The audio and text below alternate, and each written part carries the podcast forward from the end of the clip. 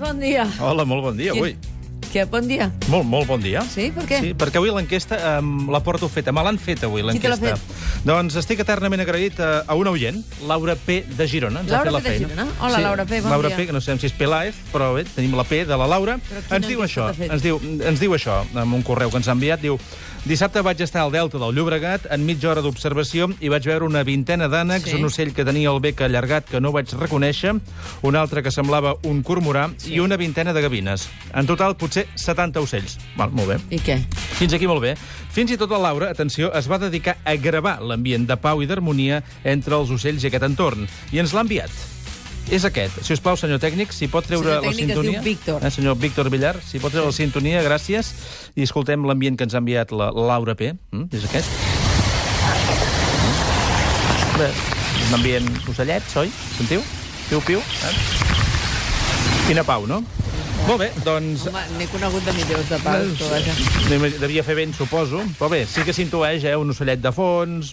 Sí, vent... i què? Però ara ve l'estoc- l'estocada final. Perquè la Laura ha enviat un altre àudio, que ara sentirem, i que remato amb el final del seu escrit. I que és quan jo realment em trec el barret. Som-hi amb el segon ambient, si us plau, el segon àudio. Mm? La Laura ens diu 70 ocells i molta quietud, però que es trenca cada dos per tres pel pas dels avions que aterren a l'aeroport del Prat. O sigui que de cada 15 o 20 ocells que veus al Prat del Prat, un és un gran pàjaro de hierro, tot i que això val la pena realment de venir a visitar. I jo, davant de tanta feinada de l'amiga Laura P., només puc fer una cosa amb aquesta enquesta, que és treure'm el barret. Estem fent escola. Domènec Sobirà. Hi ha ocells.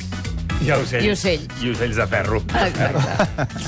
Uh, Domènec, què t'indigna? Doncs, eh, no, no, mira, avui encara m'arrossego amb massa mandra del cap de setmana com per indignar-me. Avui deixa'm regalar-te... Eh, És tan manta que no sé què, ni s'indignes. Ja, avui ja ni m'indigno, el dilluns no toca.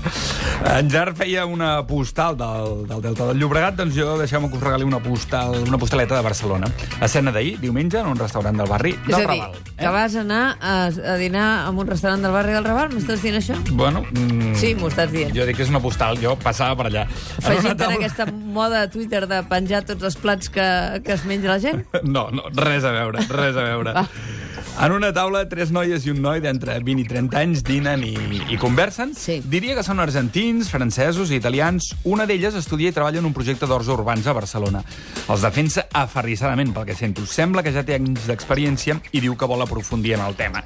Tres taules més enllà seuen cinc persones. Tres d'elles porten la samarreta blava amb el logotip del tub amb un nus, Sí, la samarreta dels contraris al pla hidrològic de l'Estat.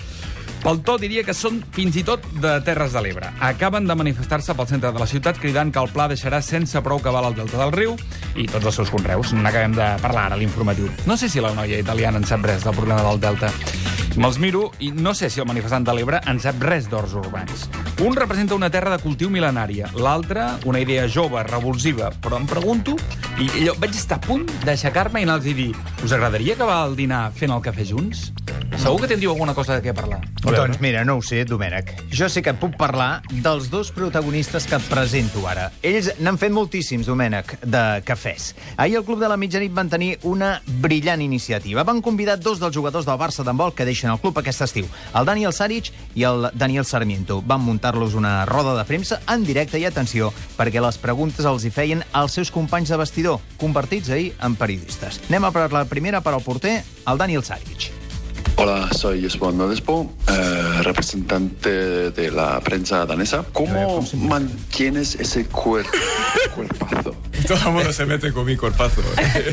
Pero mira, me mantengo bien, ¿no? Con Sí, 39 añitos. Y con este cuerpo pienso jugar 5 años más. Doncs mira, segona pregunta, aquesta per a Daniel Sarmiento. Hola, soy Raúl Entre Ríos del periódico La Voz de Asturias. Eh, tengo una pregunta para Dani Sarmiento y es ¿por qué en el vestuario le llaman el encajador? Bueno, yo lo hago por, por hacer equipo, más que nada. me gasta mucha broma, sobre todo por mi acento. Mal encajador que de las bromas. Por Sí, sí me gusta que me hagan bromas, pero me gusta más contestarlas. Doncs ja heu vist, eh? eh jugadors d'handbol convertits en periodistes, tu creus, Domènec, que et veig tan pensatiu, que tenen dubtes aquests de, de si fan o no fan el cafè junts? Bueno, Va, Ara t'he enxampat. Ara l'has han enxampat, ara sí, absolutament. Estic encara investigant qui són aquests dos cafè? personatges. No ni qui són.